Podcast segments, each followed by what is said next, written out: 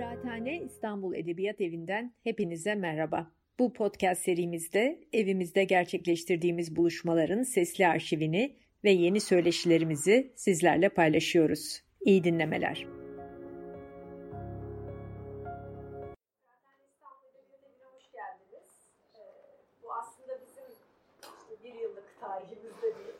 gelenekselleştirmeye çalıştığımız e, şiir gecelerinden biri. E, Salı geceleri şiir gecesi yapıp ya şiir dinliyoruz ya da şairler üzerine konuşuyoruz. Şiir üzerine bazen de tek bir şair üzerine konuşuyoruz. Bugün e, Fazıl Üstün Dağlarca'yı konuşmak için buluştuk. Fazıl Üstün Dağlarca benim çok çok sevdiğim bir şair ve e, bence Türkçenin en güçlü şairlerinden, gelmiş geçmiş en güçlü şairlerinden biri. Ama hep sanki Türkiye'de genel olarak algılanan, bilinen, tanıtılan, bahsedilen Fazıl Dağlarca ile benim şiirini okuduğum adam farklı bir şairmiş gibi gelmişti bana. Hep öyle gelir. Ee, biraz çünkü böyle okulda filan hatırlarsanız belki neredeyse bir kahramanlık şiirleri yazan birisi filan düzeyine e, indirilmiştir. E, bazı ortamlarda, bazı okullarda diyeyim. Ama biz e, şeyi çok istedik yani Fazıl Hüsnü'yü anmak, anlamaya doğru bir adım atmak ve bunu hakikaten hem Fazıl Hüsnü dağlarca şiir üzerine çok düşünmüş, taşınmış, yazmış, çevirmiş e, biriyle hem de e, bence en önemlisi belki Fazıl Hüsnü ile dostluk etmiş. Fazıl Hüsnü arkadaşlığına e, nail olmuş. Nail olmuş. Tam kelimesi o bence. Kolay bir şey de değil yani. Kolay bir şey olmadığını tahmin ediyorum e, biriyle. Ahmet Soysal'ı herhalde tanıyorsunuz. E, çok değerli bir yazar, felsefeci. E, daha önce burada çok güzel iki felsefe konuşması da yaptı sağ olsun. Nietzsche ve Heidegger üzerine. Ayrıca şu bugün burada olan kitabı Nerval Gönder, Rambo ve Mallarmé'den dört deneme 96 şiir yani 96 şiirin çevirisi Ahmet var. tarafından e, çevirisi var ve yani Dörtte deneme. şiiri üzerine bir hazine. E, bu kitabı da almak isteyenlere takdim edebiliriz. Ama bugün konumuz dağlarca. E, sözü ben uzatmayayım. Senden hem şair dağlarcayı hem hani insan değil de arkadaş dağlarcayı e, dinleyelim isterim. Evet. Çok şimdiye kadar e, dağlarca üstüne çok konuşma yaptım. O yüzden e, biraz daha hep hepsi şey birbirinden farklı oldu büyük ölçüde ve o ona çabaladım yani. Aynı şeyi tekrarlamak hoş bir şey değil yani. Her sefer yeni bir şey. Bu sefer artık hani şeye geldim yani neredeyse. Hani bütün olas, olanaklar, olasılıklar tükendi gibi. Hani dağlarca üstüne söyleyebileceğim. Ama değil tabii. Hani aklıma sonra bir şeyler yine geldi düşündüm mü? Ee, bu tür konuların zorluğu tabii böyle konuşmaların zorluğu aslında şey oluyor hani e, ya çok genel şeyler söylüyorsunuz ama o genel bilgilere e, ulaşmak da yani, olanaklı yani çok zor değil yani ve hani çok da orijinal bir şey söylemiş olmuyorsunuz. Ama buna karşın ayrıntıya girince, ayrıntılı konuşmaya başlayınca daha böyle e, derin hani konulara girince hem şiiriyle ilgili hem şiirin açılımlarıyla ilgili hatta kişiliğiyle ilgili kendi kişisel tarihiyle ilgili e, bu sefer de e, şey oluyor yani o genel konuları bilmeyenler şey oluyor e, dışarıda kal- kalabiliyor bir ölçüde yani. Şimdi bu ikisi arasını tutturmak önemli ama belki yani şu, şu an izle, izlemek istediğim yol e, bu iki, ikisini ikisi e, olasılığı da e, yok edebilecek bir yol. Çok basit yani e, bir iki e, tarih vereceğim yani dağlarla ilgili. 1914 doğumlu. E, kim doğmuş o yılda? E, Orhan Veli ve e, Oktay Rıfat da o yılda doğmuş. 1914'te doğmuşlar. Melih Cevdet de 1915 ya da 16, 15 ya da 16. Yani o kuşaktan bir şair Dağlarca. Bu önemli bir veri aslında.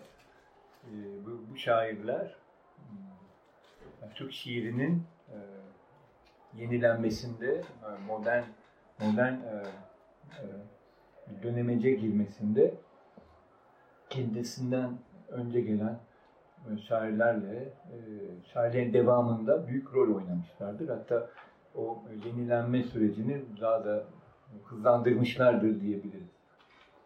Ama bu bunlardan biliyorsunuz Garip Hareketi ile e, birlikte anılan Orhan Veli, Oktay Rifat ve Melih Cevdet çok daha e, şey e, ayrı bir yere konulmuştur Türk şiirinde.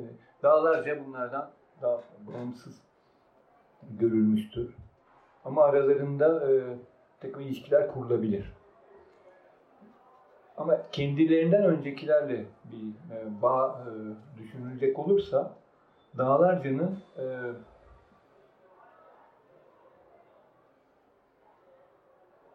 Necip Fazıl Kısa Kürek o, yani 20'li yıllarda yazdığı ilk dönem şiirleri o e, İslami dönemecinden ya da tasavvufi dönemecinden önce 34'tedir o. Yazdığı şiirleri ile belli e, yapısal benzerlikler, biçimsel benzerlikler, hatta tematik benzerlikler kurulabilir yani. Dağlarca'nın ilk dönemi. Onun dışında Dağlarca daha belki uzaktan e, Ahmet Haşim'e bağlanmaktadır ve Ahmet Haşim'i çok çok seven bir şairdir. Ahmet Haşim'i her zaman Yahya Kemal'e e, tercih etmiştir. Ne çıkarmıştır? Yahya Kemal'i pek sevmiyordu Dağlarca zaten. Bir bir şair daha var. O e, tabii herkes hepsi için e, önemli bir etki. Nazım Hikmet. Ama Dağlarca Nazım Hikmet etkisini pek e, e, almamıştır. Nazım Hikmet'i de çok fazla şair olarak çok fazla sevmiyor diyebiliriz. Yani biraz mesafeliydi. Ama Necip Fazıl'dan nefret ediyordu o ayrı şey. Ama o nefretin e, sebepleri sadece aslında e, siyasi değil, e, biraz da o yakınlaştırılmasından e, dolayı bir tepkiydi aslında. Yani pek istemiyordu onlar. O ilk döneminin e, Necip Fazıl'la karşılaştırılmasını istemiyordu. Çünkü biraz da öyle e, algılanmış. Dağlar değil şiirlerine e, e, şey, bir de hayatıyla ilgili çok kısa şeyler söyleyeyim. Aslında hepimiz biliyoruz. Zaten Yasemin değinmiş oldu. Dağlarca e, askeri okullara gitmiş. İşte Kuleli Lisesi'ni bitirmiş. Sonra Harp Okulu'nu bitirmiş. Ve 1940'ta galiba mezun oluyor. Subay çıkıyor. Sonra Doğu'ya gidiyor. Kars'a gidiyor. Savaş yılları tabii zor yıllar. Ee, e, bu dönem, bu e, işte Dağlarca'nın aslında ilk dönemi e, bana göre de ama buna biraz daha değineceğim. Dünya şiirinde yani pek işi olmayan bir derinlikte ve görkemde. Bu ilk dönem dediğim ilk kitabı 1935, 21 yaşında çıkan Havaya Çizilen Dünya. Ondan sonra yazdığı, 1939'a kadar yazdığı, sonuna kadar yazdığı şiirler 1940 Ocak ayında Çocuk ve Allah Baş adıyla çıkıyor. Bu ikinci şey. Tabii ki çok daha büyük bir başyapıt. Ondan sonra e, bir, üç yıllık bir ara var. 43 yılında daha kitabı çıkıyor. 45'te de Taş Devri çıkıyor. Aslında Taş Devri kitabı ince bir kitap. Ee, ta şeye kadar e, basılmayacak. Yani 2000'lerin 2005'ler 2006'lara kadar da ikinci baskısı yapılmamış olarak beklemiş bir kitap. O şiirler aslında Çocuk ve Allah'tan hemen sonra yazılmış. Yani aslında 1940'ta yazılmış şiirler. Ama 45'te yayınlanmış. O yüzden de sıralamada beşinci kitap çıkıyor. Bu beş kitap, yani bir şair bu beş kitabı yazmış olsa, yani e, bunun bile bir örneği yok yani. Ne Türk şiirinde, dünya şiirinde de az var. Hani zorlarsanız işte Rilke, yani öyle şairler, öyle şairlerle karşılaştırabiliyorsunuz. Bu görkem, bu bu derinlikte beş kitap yazan bir şair e, çok az var. Hani belki Mandelstam diyebiliriz. 20. yüzyılın büyük şairleri içinde. Yani işte birkaç şair daha tabii biliriz. Hepsini de okumadım. Ama yani epey de okudum. E, e, ama burada şey başlıyor. Dağlarca'nın bir şekilde e, e, yazgısı aslında e, talihsiz bir yazgı da sayılabilir benim için bu, benim açımdan. E, şöyle bir yazgı başlıyor. Bu beş tane beş başyapıt yazdıktan sonra ki bunlar bunlardan mesela Çocuk ve Allah 300 sayfalık falan bir kitap yani. İnce bir kitap. ince kitaplar değil. Bir tek taş devri ince. Hepsi kalın aslında. Bir Çakır'ın destanını unuttum zaten değil mi? O da 45'te çıkıyor. Çakır'ın destanı. 5 kitap dediğim Çakır'ın destanı da var. Yani havaya çizilen dünya, çocuk ve Allah, daha Çakır'ın destanı, taş devri. Bu 5 kitabı kastediyorum. Bu 5 kitabı zaman bir 10 yıllık bir zaman e, dilimine e, sokuyoruz. Ama e, işte ne bileyim 45'te dağlarca 30 yaşında. E, şey 30 yaşında, 31 yaşında.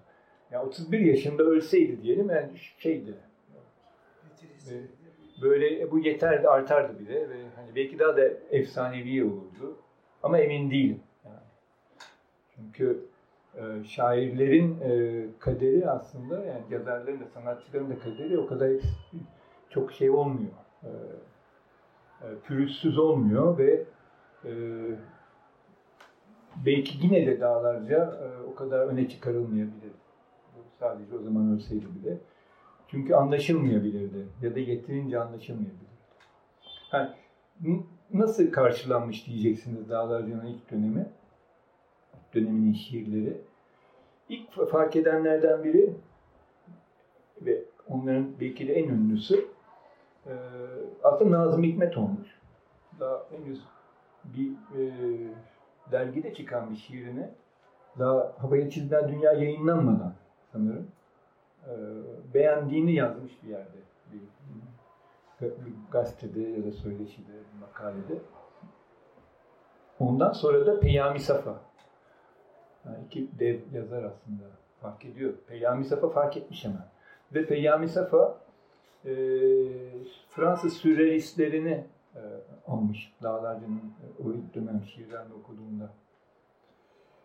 Şunu da biliyorum, e, Necip Fazıl da ilk şiirler çıktığında çok kıskanmış Dağlarcı. Çok sinirlenmiş ve birisi andığında belki Peyami Safa unuttum şimdi. Dağlarca anlattı. Aşırı küfür etmiş yani. Çok, çok aşırı sinir, aşırı kıskanmış. Çünkü Necip Fazıl'ın çok iyi, belki 10 tane şiiri var hani o dönem. Çok iyi şiir ama Dağlarca'nın on, ondan iyi belki 200-300 şiiri var. Hani daha henüz 20-25 yaşında falan birisinin. Yani insan tabii kıskanabilir yani. Normal yani. Ve e, tabii şairlerin, yazarların, sanatçıların kıskançlığı bir konudur. Ve e, bir şair bir şairi sevmediğini söylediğinde aslında e, gizli gizli sevdiğini, kıskandığını, gıpta ettiğini falan da gösterir. Bu nef nefret, e, bilinç dışı neredeyse bir bir, bir ilgiyi gösterir. Yani bağlan, bağlanmayı ve ona karşı bir mücadeleyi, iç mücadeleyi gösterir. Şimdi e, arada şiirler de okumak istiyorum çünkü hiç bilmeyenler için. Bu ilk döneminden bir şiir okumak istiyorum. Evet. Bu antoloji de e, bitirmemişler değil mi şeyler? Yapı Kredi. Yok, Kredi'den isteyen oradan. Evet. Bu, bu dört antoloji, kanatlı kuş diyorsun. Dört kanatlı kuş antolojisi. İlk başta Varlık yayınlarında 67'de çıkmıştı. Ondan sonra e, ne zaman e, yanılmıyorsam 90'ların başında filan e, yepyeni bir e, şekilde çıktı. Bütün şiirler değişti. Bunun da sebebi ben yaptım şeyi.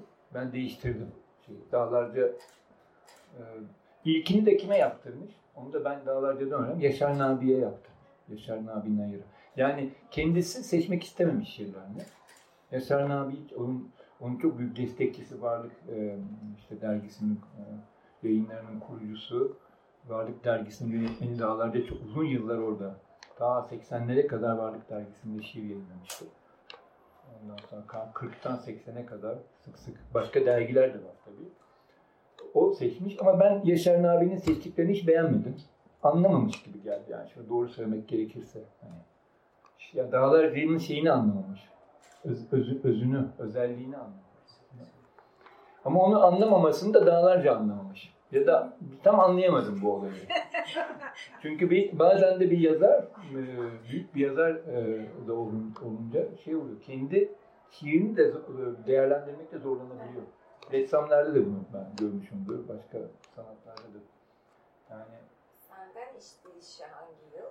Sonra bir şey 90. 90 falan yani. Ve e, orada ben tamamen değiştireceğim dedim dağlarca. Tamam 95. Ve e, o zaman e, yeni e, baskı çıktı. Yani Yaşar Nabi'ninkiyle ortak az, az şiir var. Birkaç tane var. Az şiir var. Sonra 2000'lerin e, ne zaman Dağlarca yaşarken, Dağlarca 2008'de öldü. 2006'da falan galiba bir yapı kredi baskısı oldu. Yapı kredi baskısını da yine daha sonra e, o ki dönemde yazmış olduğu şiirleri de şiirlerden de seçerek yine ben yaptım. Ha bir de şu vardı. Yaşar Nabi'nin e, bir de yazısı vardı ilk baskıda. Yaşar Nabi'nin tanıtım yazısı vardı. O yazıyı da ben e, hiç tutmamıştım. İkincisinde çıkardım ben. Ama üçüncüsünde dağlarca tekrar o yazı olsun dedi. Ben zor durumda kaldım. Ee, bu sefer e, şöyle bir anlaşma yaptım yayıncıyla. E, çünkü onlar dağlarca böyle dedi diyorlar. Ben de tamam o zaman o zaman e, sona koyun dedim. Yaşar Nabi'nin metnini. Başa koymayayım dedim. Mesela çünkü orada Yaşar Nabi şunu diyor. Taş devri diyor önemsiz bir kitaptır diyor. Belki de belki de e, şey böyle hani kusursuz kitabı Dağlarca'nın. Kusursuz hiçbir şey yok. Yani. Bil, billur gibi, kristal gibi bir kitap. Onu onu beğenmemiş. Anlamamış. Ama Yaşar Nabi gibi önemli bir edebiyat adamı, modern edebiyatı bilen, çok iyi Fransızca bilen, modern Fransız edebiyatının şiirini bilen birisinin anlamaması e, çok büyük bir e, şey değil, aslında bir ayıp değil. Ben burada hani o, anlamda söylemiyorum. Dağlarca'nın şiirinin aslında ne kadar aslında farklı ve yeni bir şiir olduğunu gösteriyor. Yani öyle bir şey e, geliyor ki bir göktaşı gibi bir şey aslında Dağlarca'nın şiiri. Ee, en yakınlar, en anla, anlayabilecek olanlar bile anlamamışlar. Yani aslında beğenenler bile anlamıyor.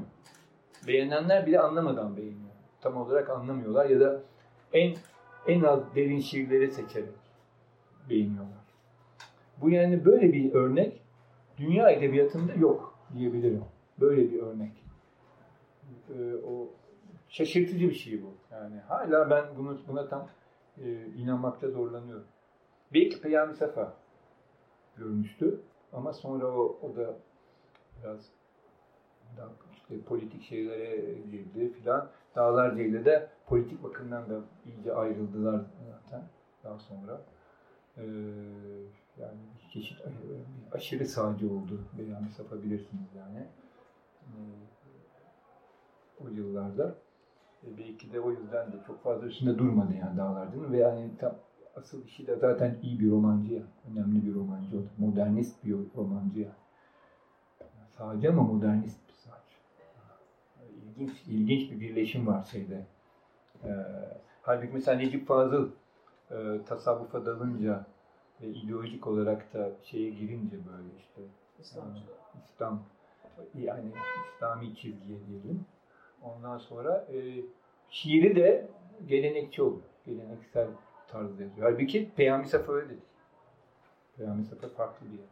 Modern, modern tarzını sürdürüyor. Öyle bir seçiminde, politik seçiminde. Bu parantezler, ben severim böyle parantezler yapmayı yani. Biraz eğlendirici de oluyor. Ee, tekrar Dağlar diye dönecek olursak, e, bu o döneminden e, kitabın başına aldığı en son yazdığı şiir bu kitapta, Havaya Çizilen Dünyada. Galiba yani kendi e, parasını kendisi ödeyerek bastırmış bu e, kitabı dağlarca. Yine de fark edilmiş yani. Fark edenler fark etmiş yani. Ee, şeyde beyitlerle gidiyor. Yani iki dize. Şimdi tabii bazı naiflikler de göreceksiniz. İnanılmaz da imgeler. Dağlarca'nın birinci, e, Dağlarca'yı öne çıkaran birinci e, yetisi, yeteneği, gücü imgeyle, imge, imgeyle e, ortaya çıkıyor. İmge kurgusunda imgede. İmge, imgenin ne olduğunda aslında çok e, basit bir konu değil. Yani belki üstüne durabiliriz. Bakın bir de bir şey fark edeceksiniz şiirde. Bir, bir çeşit bütünlük var ama tam yok. Dağlarca'nın ilk döneminin bir özelliği o zaten. Sonra kendisinin de karşı çıkacağı bir özellik. Dağlarca ilk dönemini kendisi de uzaklaşmış ilk döneminin anlayışından. Onu da söylemeye çalışacağım zaten. Bu da ilginç bir olay. Ayrı bir şiir, yani yine büyük bir şiir yazıyor ama ayrı bir şiir yazıyor. Bir kere biçim olarak değişiyor şiir. Yalnızlık. Sabah, ya, şiirin adı da kitabın adı. Havaya çizilen dünya. Yalnızlık. Sabahların yaşadığı yalnızlık. Suların içindeki ışıklar kadar ılık. Hüzün. O mısralardan dudakta kalan hüzün. İkindi üstlerinde aydınlığı gündüzün. Uykular. ilk gençliğin gündüz gibi uykusu. Vücudun balık olup içinde yüzdüğü su. Sessizlik, geceliğin, yolcusuz sokaklarda. Sükun dalgalarının ortasındaki ada. Ruha uzak bir şehir, içinden gelen rüzgar. Ayrılıktan önceler, ayrılıktan sonralar. Müzelerde o ölü zaman, o gölgesizlik, yüze değen eskilik, sonsuzluk, kimsesizlik. O kadar siliktir ki bir bayram günü şiir, uyurken akla gelen son hayaller gibidir. Mesela inanılmaz bir düzey. Burada yani en olgun şairin e, ulaştığı bir noktaya ulaşmış zaten. Hayatın oyundaki sükûna değen sesi. Çocuklukta her yeni sınıfına o ilk dersi. Müzikten sonra içi dinlemek uzun uzun. Bir resimdeki davet, bir heykeldeki sükun. Öyle sevgililer ki bir kere görülmüştür. Hatıraları ömrün gecelerince yürür. Duyulan sırasıyla sezilen o beldeler, geçer yelkenler gibi enginden birer birer. Burada da sürrealist e, sayılabilecek bir imge var. Tersine çevirme var. Hiç Türk şiirinde yok onun böyle şeyler var. Dudakların habersiz söylendiği şarkılar. Vücudun ağaçlardan önce duyduğu bahar. Çiziyorum havaya dünyamı bir çiçekle ve hayran bakıyorum bu rüya gibi şekle. Muhteşem bir şey. Yani ben daha şairane okumaya çalışabilirdim ama öyle yapmadım. Bazen de olmuyor. Çünkü bazen tiyatrocularla e, Dağlarca'nın da bulunduğu toplantılarda böyle işte şiirleri onlar okudular, tiyatrocular. Onlar, ve hiç olmuyor yani. Hiç yani. E, da, Dağlarca'yı bilen bile hani böyle şairane okuyunca Dağlarca olmuyor. Bir garip. Kendisi de zaten Dağlarca kendisini e, çok kötü okuyordu. Çok kötü şiir okuyordu. Peltekti zaten. Böyle olmuyordu. Okumak da istemiyordu zaten. Zaten sonra gözleri de görmüyordu. Sıra ezbere bir gün ama bir gün tek e, pek, pek ortada şiir falan okumazdı zaten. Pek toplantı da yapmazdı ama bir kere ben ikna ettim. Fransız Kültür Merkezi'nde hatta yani 2002'de falan çok yaşlı dağlarca. Neredeyse kör, zor yürüyor, zor getirtiliyor neredeyse taşıyarak getirttiler, oturttular falan. Orada Kızılırmak kıyıları adlı uzun şiirini ezbere okudu.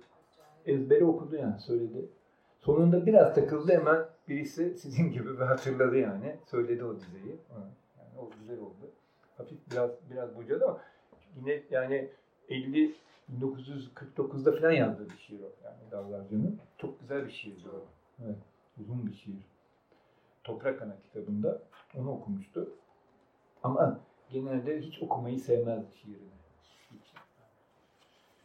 Mesela Oktay Rıfat çok güzel okuyor. Şi- Kendi şiirini en iyi okuyan benim dinlediğim o şairlerinden. Muhteşem okuyor. İlhan Berk de güzel okuyordu. Ece Ayan da çok kötü okuyordu. Ece Ayan bile bile kötü okuyor gibiydi. Hani bile bile. Okuyor sonra konuşuyor sonra tekrar okuyor. Falan böyle şiiri karalamaya çalışıyor gibiydi. Kendi şiirinin öyle garip bir edebi vardı aslında. Bir, o bir aslında bir püdör dedikleri. Yani bir şey, mesafe aslında kendi şiirine. Böyle şairane ama o öyle okuyan biri var. O da aslında tabii çok büyük şiirleri olan İsmet Özel. Aşırı şairane okuyor. Bilmem dinlediniz mi onun okumalarını. Ama etkili o da. O biraz hani onun abartısıyla etkili oluyor. Çünkü kendini veriyor. Hatta oynamıyor. Oynamıyor. Yani o, çünkü genelde o tiyatrocular falan oynuyorlar. Hani Tiyatro. piyes, piyeste işte ve insanların hoşuna gidiyor genelde. Yani öyle bir şey var. Kendini aslında göster- gösteriyorlar. Kendini silmiyorlar yani. Onların böyle bir refleksleri var. Evet. Çocuk ve Allah'a geçecek olursak, bu, bu dönem üstüne duracağım. Sonra öbür dönemlerden de bahsedeceğim. Onlardan daha az bahsedeceğim. Çünkü zaten he- her şeyden bahsetsem zaman yetmez. Çünkü Dağlar'da 2008 yılına kadar şiir yazmış. Unutma. 2008 yani öldüğü yıl, öldüğün yıl, öldüğü yıl, yani 94 yaşında işte yine yazıyordu. Şöyle yazıyordu, söylüyordu. Söylüyordu. Onları anlatacağım daha sonra. Nasıl yazdığını son yıllarında. Söylüyordu, dikte ediyordu yani. Orada sorunlar başlıyordu. Kime dikte ettiğine bağlı çünkü. Maalesef ilkokul e, diploması bile olmayan birine dikte etti bir sürü şeyi. Etmek zorunda kaldı. Ona bakan bir kadın vardı. Ömür diye. Ondan sonra kadın da elinden geleni yapıyor. Ama ben ben bakıyordum tabii onun yaptığı şeylere. Zorlanıyorum yani. Tekrar onlardan okuyup dağlarcını hatırlaması lazım gibi. Ve düzelt, düzeltiliyor o zaman. Öyle sorunlar yaşadı ve ve zaten aslında görmeden söylemek çok zor. Gö- Görmeden kimler söyler? Böyle saz şairleri falan söyleyebilir. Aşık Veysel söyler. Çünkü kalıp var, vezin kalıbı var, kafiye var. O zaman o, o bir şey yaratıyor insanda. Tekrarlar da o, zaten yaratıyor böyle. Ee, o imkanı e, yaratıp hatırlama imkanı da yaratıyor. Halbuki modern şiirde e, kafiyesiz, ölçüsüz bir şiirde çok zor. Öyle de uzun bir şiirde baş, başından çünkü ne yazdığını, ne söylediğini hatırlaması gerekiyor. İlişkileri kurması gerekiyor. Karmaşık ilişkiler. Dağlarda her zaman karmaşıktır ilişkiler. Yani çok açık. e, hele sonraki döneminde e, ama burada bile gördük. Çok karmaşık ilişkiler var. Mantıksal ilişkiler çok e, yani bayağı zor e, denklem gibi yani algoritma gibi işte matematiksel modellerle açıklanabilecek kadar karmaşık hmm, biçim, biçimler kullanabilen ve doğal olarak onları uğraşmadan hani yeni romancılar falan gibi önceden şeyini, sistemi falan, yapısal sistemi kurup ya- yazmıyor ki o an yazarken oluşturuyor yani. Öyle de bir garip de bir e, zekası vardı dağlar yani. Ben böyle bir, bir şey görmedim. Zaten kim onunla tanışırsa yabancı Fransız şairleri falan da ben tanıştırdım. Sonra kim karşılaşırsa dağlar diye bir kere onu eziyordu zekasıyla. Şaşırtıcı bir zekayla söylediği e, sözleri de çok iyi analiz ediyor ona söylenen sözleri. Ve biraz da kötücül birisiydi. Hatta sadist. Biraz da rezil etmeyi, gülünç duyuma düşürmeyi seviyordu karşı taraf. Yani dalga geçiyor. Mesela bir gün bir, bir örnek vereyim. Şey demişti. Yani çok- başkaları da diyormuş. Genç bir şair geliyor. Bir kahve vardı Kadıköy'de. Oraya, oraya onu bulup ona şiir getiriyordu birileri falan. Böyle olur olmaz şeyler ama. Şiir, bazıları da daha iyi tabii. Bazı ünlü şairler de sonra, bazıları ünlü oldu falan. Böyle şiir getiriyor. Diyor ki Dağlarca bir Fransız şair. Benim arkadaşım Türkiye genç. Ondan sonra ben de Türkçe'ye çevirmiştim e, şiirini. Dağlarca'ya gösterdik işte. Buradan dedi kaç sözcük atabilirsin dedi bu şiirinden. Kaç sözcük çıkarabilirsin dedi. Vallahi dedi belki beş tane falan. Yani bir sözcük bile çıkarmayı düşünüyorsan demek şiir olmamış. Yani şiir o zaman sayılmaz. Yani tekrar çünkü şiir ya- ya- yazılırken dedi tamamen yani şeyi e, kurmak lazım yani son son halini kurmak ve fuzuli hiçbir şey içermemesi lazım. Ee, Öyle düşünmek lazım şey. Öbür türlü düşününce zaten olmaz. İlginç bir şey söyledi aslında. Derin bir şey. Güzel, çok doğru. Evet, derin bir şey. Çocuk ve Allah'a geliyor. Çocuk ve Allah üstüne çok kişiyle konuştum. Bazı yazılar da okudum. Türk şiirinde asıl belki büyük avantgard sayılabilecek bir dönemeci gerçekleştirmiş olan ikinci yeni e, şairleri yani işte Ece Ayhan, Cemal Süreya, Turgut Uyar, İlhan Berk, Edip Cansever ve birkaç kişi daha yani. Bunlar hepsi hem fikirdi yani. Çocuk ve Allah başlık. Yani bunu çok çocuk e, dağlarca'ya çok saldırmış olan özellikle politik sebeplerle Ece Ayhan bile hani şunu kaç kere söyledi yazdı da çocuk ve Allah'tan çıktık dedi. Çocuk ve Allah'tan çıktık. Bir yerde de çocuk ve Allah'tan ve e, Said Faik'in öykülerinden çıktı. İkisini referans alıyordu yani. Onlar çünkü orada çok doğru bir benzetme var. Ece Ayhan'ın yaptığı. Dağlarca da bunu çünkü kabul ediyordu. E, kendi e, yani düz yazıda kendi e, muadilinin şeyini e, yani yakın e, ismi kendine yakın ismi Said Faik olarak kabul ediyordu. Onu o, onu çok seviyordu ve son kitabı da Said Faik için yazdığı kitap. İçeri Said Faik. Ve şaşırtıcı güzellikte bir kitap. Ve çok da duygulu bir kitap Said Faik için. Or, or, orada bir şöyle bir şansımız da oldu. O dönem o, o şiirleri e, çoğunu ben yazdım. Bana yazdırdı yani. Doğrudan şey oldu. Yani ben yazdım. Onlardan bir tane uzunluk kitabı al, alınmamış, alınmadı. Bir belki de bir unutma e, sebebi. Sonra onu ben yayınladım ama Beyaz Dergisi'nin bir özel sayısı yapmıştık Dağlar ile ilgili. Onu yayınladık. O kitapta olmayan uzun bir şiir. Çok güzel bir şiir olarak. Belki en iyisi aslında. Uzun bir şiir. Onu yayınlamıştık. O bütün eserlerde yok yani. O Beyaz'ın o özel sayısında var. Şimdi Çocuk ve Allah kitabı gerçekten 12 bölümden oluşuyor ve burada tamamen bir kitap yapısı kurmuş dağlarca. Yani ilk çocukluktan başlıyor ve ölüme gidiyor. Ve sonra da ölüm sonrasına gidiyor. Ölüm sonrası belirsiz bir alan. Ve 12. bölüm tarihi açıklığı çok muhteşem bir, bir bölüm. Ee, çok ünlü şiirler de var burada. Okul kitaplarına bazıları girmiştir. Belki hatırlarsınız bu eller miydi diye. Öyle mesela bir şiir, çok ünlü bir şiirdir o. Güzel de bir şiir aslında. Ama ben ünlü diye atmıştım onu antolojiden. Ama sonradan da aldım. Üçüncü baskı daha. Kıyamadım yani. Şey, hayır. Şey yani. Tamam ünlü falan ama yine de çok iyi bir şiir. Çünkü ünlü şiir demek kötü şiir demek yani benim için. Bir ünlü şiir demek yani okul sistemini falan düşünürseniz işte Eğitim Bakanlığı bilmem o seçiyorlar ya okul kitapları falan genelde basat yani. Bir de biraz da şöyle de bir haklılık var. Bazı modern şeyler anlaşılmayabilir liseli öğrenci da ortaokul öğrencisi. Hani biraz zor gelebilir. Bu eller miydi şiirini alıyorlar mesela. Aslında hiç, hiçbir şey anlaşılmıyor o kitap. Yani başka türlü de yorumlanabilir. Hani e, erotik bir yorum da yapılabilir. Çünkü bu kitabın bir özelliği, şimdi söylemek gerekiyor tabii. Ee, inanılmaz bir erotizm var bu kitapta. Çocuk ve Allah kitabında. Yani en erotik şiir kitabı Türkçenin belki de. Ama açık değil. Çok açık değil yani. Sembolik Yani anlayan anlar tabii. Anlayan anlar. Gece aynen anlıyor hani ne bileyim. Bunları anlıyor. Anlamak istemeyen anlamaz ama. Arzu üzerinden çözümlediğin bir yazını hatırlıyorum Evet. dağlarca. Evet. Yani sadece erotik anlamda değil. Yani Tabii. arzunun ne kadar önemli bir kategori olduğunu onun şiirinde. Tabii. Zaten kitabımın adı Arzu ve Varlık. Yapı Kredi'nin üçüncü baskısını hala yapmadı. İki baskı var ve sa- satıyor da onların yazarı bir de yani. O konuda eleştirilerim var ama bilmiyorum. Belki yaparız. Konuşmalarda. Ha çünkü Dağlarca'nın yayın politikasının e, Yapı Kredi'nin yanlış olduğunu düşünüyorum. An- anlatacağım. Yanlış ötesi. Çünkü o lüks baskıda 3 3 cilt var. Ama o delta onlar 120'şer lira filan bildiğim Evet, kadarıyla. O zaman insanlar- kitaplar da değil yani. Bir de yani evet müthiş, müthiş tabii o üçü, üç, üçü.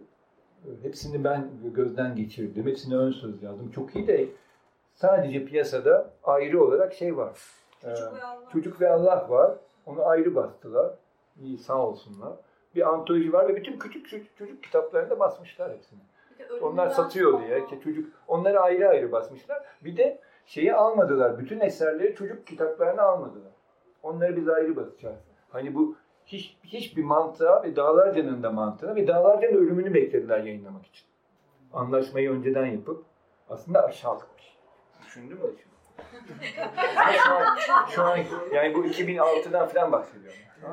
Öfkelendi Ahmet. Evet. Evet. evet haklısın. Ha çünkü Dağlarca'da bunu bekledi adam. Yani Yani ne kadar bekledi. Evet. o çıksın kitap diye bekledi. Birinci cildi bile göremedi ama. Hemen ölür ölmez bastılar. Öldü ya. Hani Ha, şey, Çok şey, sağ ol. prim var.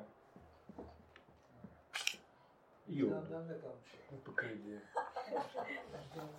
Ben de kızgınım. Zaten editörleri falan sempatik hepsi arkadaş. Ben yönetimi, yönetimi kimse onu da bilmiyorum. Bir kurul yönetiyormuş ya bu krediyi böyle e, e, hayalet, Makine yönetiyor. hayalet gibi bir kurul geldi aklıma. Evet. Şimdi oradan çok güzel şiirlerden birini okuyacağım. Zor şiirler, okul kitaplarına girmeyen. Çok erotik diye ama erotik şiir isteyenlere de okurum.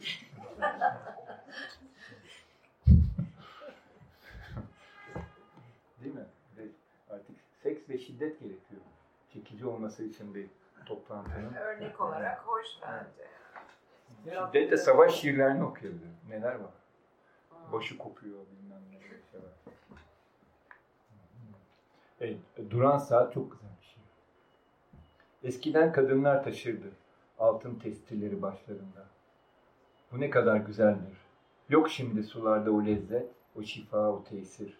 Eskiden geceler daha karanlıktı, gündüz daha aydınlık. Yok şimdi vaktin sonsuzluğu, lambalarla hülyayı kaçırdık. Eskiden en büyük adamlar süslerdi iğne ucuyla dağlar gibi mezarları. Yok şimdi ki bizi perişan eder, ölmek sabrı. Bunu 21 yaşında, 22, 21, 36 yılı bu. İnanılmaz bir şey, güzellikte. Bunu Fransızca çevirdim. O deminkini de çevirmiştim ben. Ee. Bir tane şiir. Heh. Mesela bu çok çok güzel bir şiir. Burada karanlık işte o Dağlarca'nın karanlık arzusal yönü ortaya çıkacak bir şey. Dağlarca'da bir itiraf edilemeyecek olan bir arzu.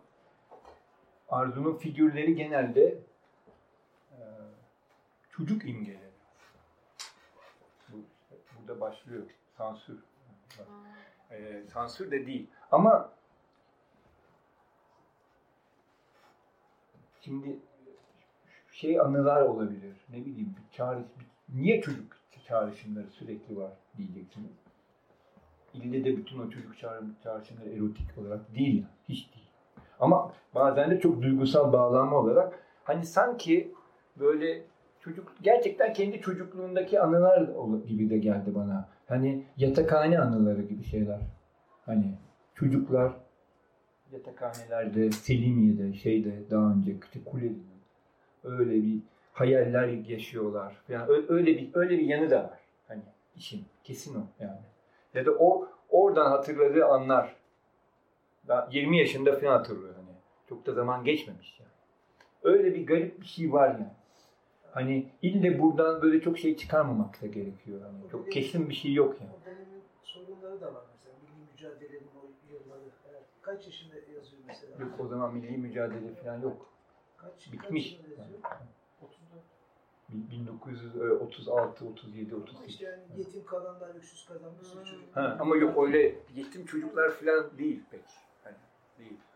Aslında Sağlıklı, bir- sağlıklı, bir güzel deneyim çocuk. var orada. Askeri, Ha? yatılı okul, disiplin. Öğrencilikten kalan Evet şeyler yani. Bilmiyorum. Bence çok hani buna bir şey diyemeyiz. Ben, bana sorarsanız e, erotizm var yani şey açıkça. Selimiye kışlası olduğu zaman askeri şeyi de tabii. Yani yatakhanelerde neler hani konuşulur. Yani. Öyle bir takım şeyler var. Ama şimdi dağlarca bunu öyle bir şekilde anlatıyor, koyuyor ki ortaya. Metafizik boyutuyla koyuyor. İşte orada George Bataille falan akla geliyor. Zaten hemen ilişki, onlarla ilişkiyi ben kuruyorum. Şimdi. Yani böyle çok derin yani. Eğer erotizm varsa bile şey bir şey bir derinlik. Orada varlığın sırrı var, gizemi var. O o ikircikli arzuda, o gitgelli arzuda, o yasak arzuda, o süblime edilen yasak arzuda. Çünkü sürekli çocuk, çocuk Allah, çocuk Allah. Çocuktan Allah'a, Allah'tan çocuğa. Saflıktan şeye gidiyor yani. Ondan sonra bu- burada çok metafizik bir, bir olay. Yani böyle çok derin. Varlık ve aslında e, şey ilişkisi var. Arzu. Arzu ilişkisi. Arzuyla varlığın ilişkisi. Ölüm Varlık duygusunun tabii ki sonuçta da ölüm zaten koyacak yani. Bu üç, bir garip bir üçgen yani. Arzu, varlık, ölüm. Arzu, varlık, ölüm. Arzu hem varlığa gönderiyor hem de ölüme aslında felakete gönderiyor. Felaket şeysi var. Şimdi okuyacağım zaten. Bakın anlayacaksınız. En güzel şiirlerden biridir. Sadece sekiz dize. Işıklarda insanca bir şey var. Adı şiirin. Ve ilk dizede. Dağlarca da pek olmaz. İlk dizede öyle var. Genelde dağlarca şiirin başlığını apayrı bir başlık koyar. Hatta şiirin içeriğinin de ötesinde bir başlık. Işıklarda insanca bir şey var. Işıklarda insanca bir şey vardır. Şehrin büyük, çobanın asude. Karanlığından kuşlar uçar bahçenin. Nasip parlarken içimizde. Işıklarda insanca bir şey vardır. Yıldızların uzaklığından, aşka ve felakete doğru. Garip ve çocukluğumuz gibi dağılan. Muhteşem ve çok garip bir şey. Yani buradan tabii tek anlam, şimdi İlhan Berk'i anlatacağım size. En son, yine anılarla bir şey yapıyorum yani karıştırıyorum. En son Tarık Zafer Tuna'ya da Alper diye bir çocuk vardı. Bizim tanıdık da böyle toplantılar düzenliyordu orada. Ee, Tarık Zafer Tuna'ya kütüphanesinde. Bana sordular. İlhan Berk'i getirmişlerdi. Onları tanıyorlardı. Benim de çok iyi dostum. Sonra dağlarca yapar mı? Ben dağlarca ikna ettim. Son çıkışlarından biridir yine dağlarca. Oraya gittik. Çok bu 2003 2004 falan. Yine öyle 90 yaşında falan dağlarca. İlhan Berk de geldi. Birlikte. Yıllardır görüşmüyorlarmış zaten. Orada geldi. İlhan Berk o toplantıda dağlarca için toplantıda. İlhan Berk öyle kimse üstüne falan konuşmaz yani. Öyle birisi değil yani. Ondan sonra İlhan Berk Dağlarca'nın bir şiirini okudu. Taş devrinden bir şiir seçmiş. Sonra dedi ki bu şiiri çok seviyorum dedi. Ama sebebini söyleyeyim dedi. Niye sevdiğim, niye seviyorum? Çünkü anlamıyorum dedi. Garip bir şey söyledi ve ama çok derin böyle du- durarak falan böyle şey yaptı. Anlamıyor. Yani aslında şunu demek istiyor. Çok anlam boyutu belli ama anlamsız demek diyor. Çok anlam boyutu var yani. İç içe geçmiş hani o şeyler var. Böyle bir anlam çizgisinden gidebilip yo- yorumlayabilirsiniz. Başka bir anlam çizgisinden yorumlayabilirsiniz. Hepsinin bir karmaşası da söz konusu. Dağlarca ille hepsini tek tek düşünmüş değil, artık okur orada düşünüyor. Okur aslında şiiri yeniden yaratıyor, o şiirin olayını. Ondan sonra kendi kendisindeki sarsılmadan, yankıdan yola çıkarak yaratıyor. Ve e, e, aktif bir okuma aslında burada söz konusu oluyor. Yani imkan bırakıyor okura. Tam modern edebiyatta şiirde gördüğümüz gibi, Malerme'de gördüğümüz gibi. Tek bir anlam yüklemiyor şiire. Okura tek bir anlam buyurmuyor. Birçok anlam içeriyor şiir. Ama kendinin de hesaplamadığı anlamlar olduğunu kendisi de biliyor. Çünkü dil şairi aşıyor. Şairden önce gelen ve şair, şairi etrafında yayılmış bir sözcük.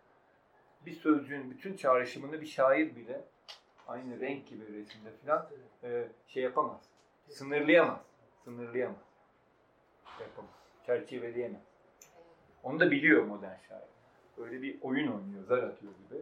Ama yani şey bir şey bir eylem tabii. Görkemli bir eylem. müthiş o şey. Evet. Nasip parlar içimizde, karanlık bahçede kuşlar uçuyor. İnanılmaz tüyler ürpertici. Muhteşem değil mi?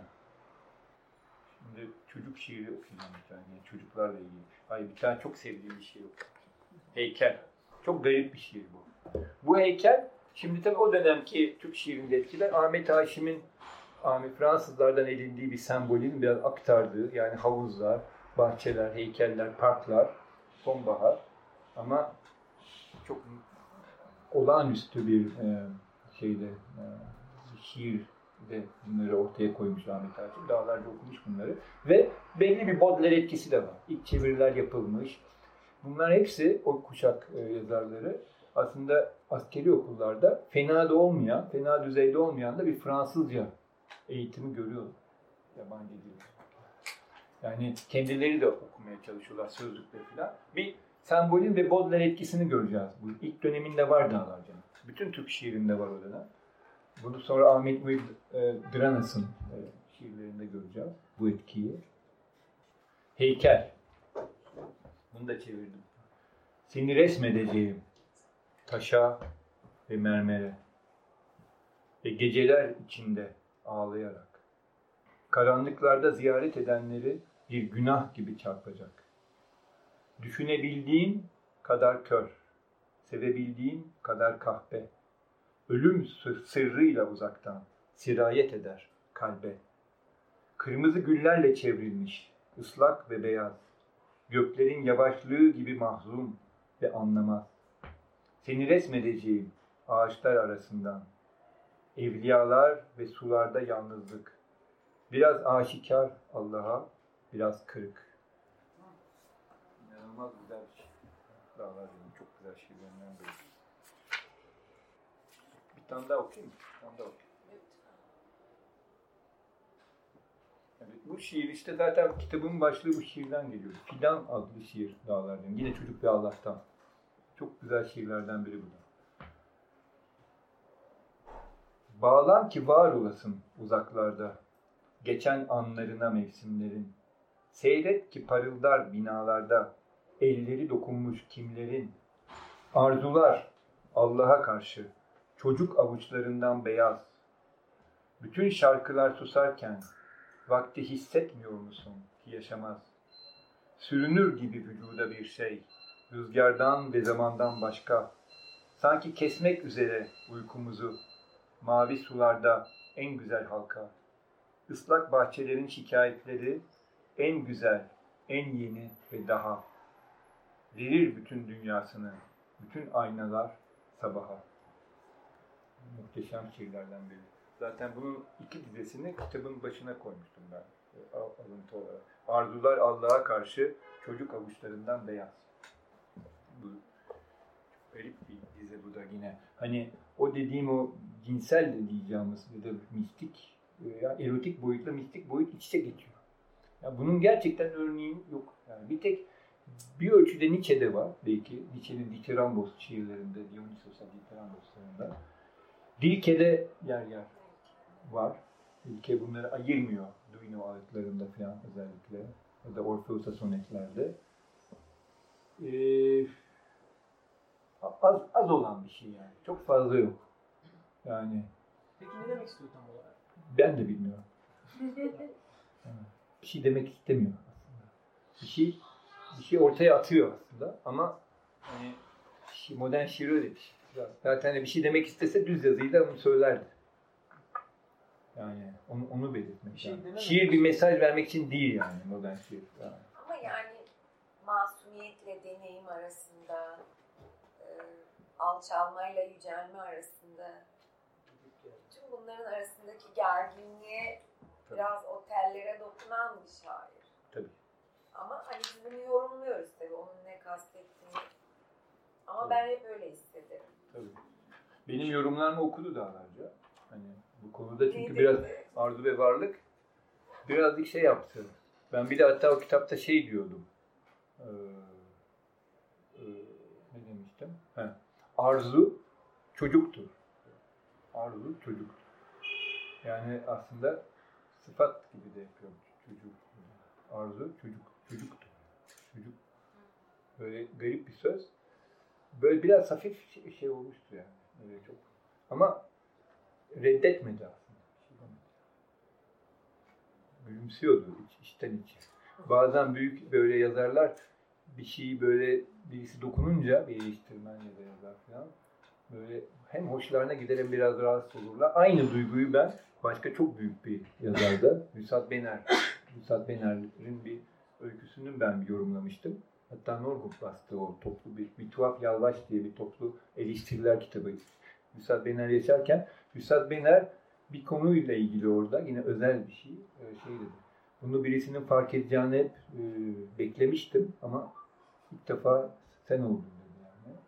Ama gül, böyle biraz da hınzır gülüşle şey, yani böyle şey yine gizli karanlık bir, bir yan.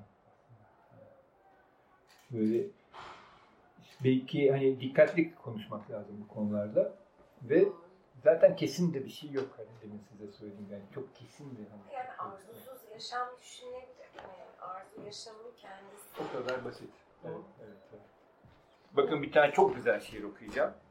Ee, Çocuksuz Geceler şiiri. Bu söylediklerimizle bağlantılı. Bir, bu gece beni terk ettin çocuğum. Ki hala ellerimde bir şafak.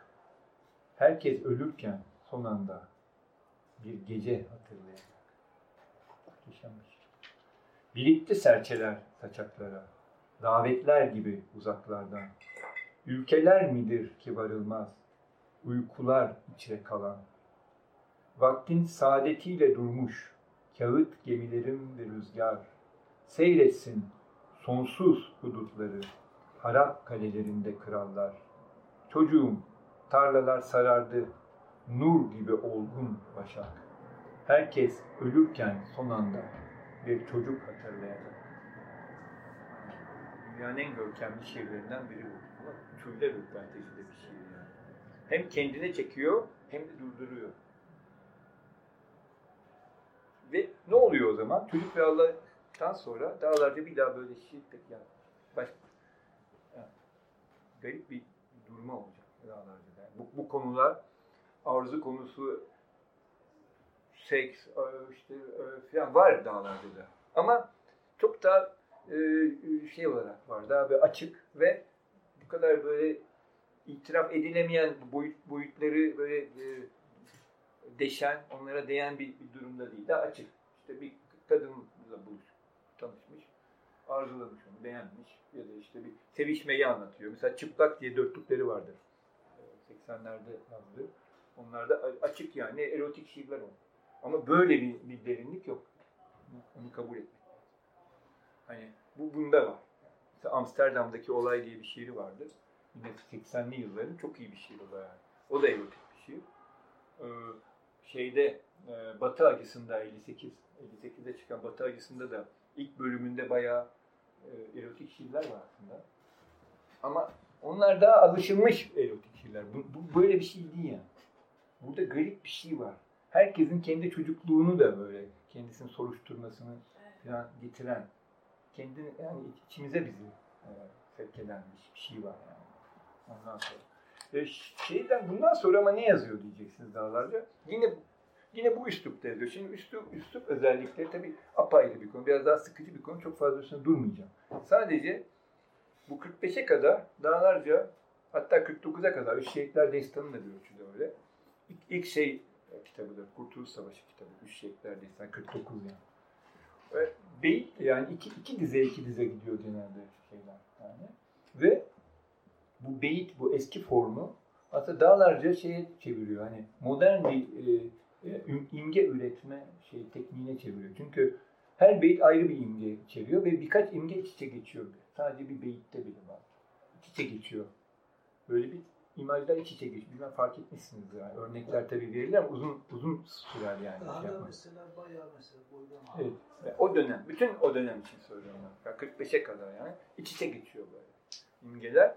Sonra öbür beyitte bazen sıçrama oluyor. Yani anlam sıçramaları oluyor. Anlamı ikinci plana attığı kesin dağlar. Yani anlam çizgisini ya da tek anlam çizgisini ikinci plana atıyor. Önemsemiyor o kadar. Anlam anlam aslında tematik bir bütünlük ama uzaktan bir sis, sisli bir küme gibi aslında. Sisli bir ülke gibi anlam. O kadar. Anlam boyutu yani bir, bir, bir çember gibi. Havaya çizilen dünya gibi. Çiçekler.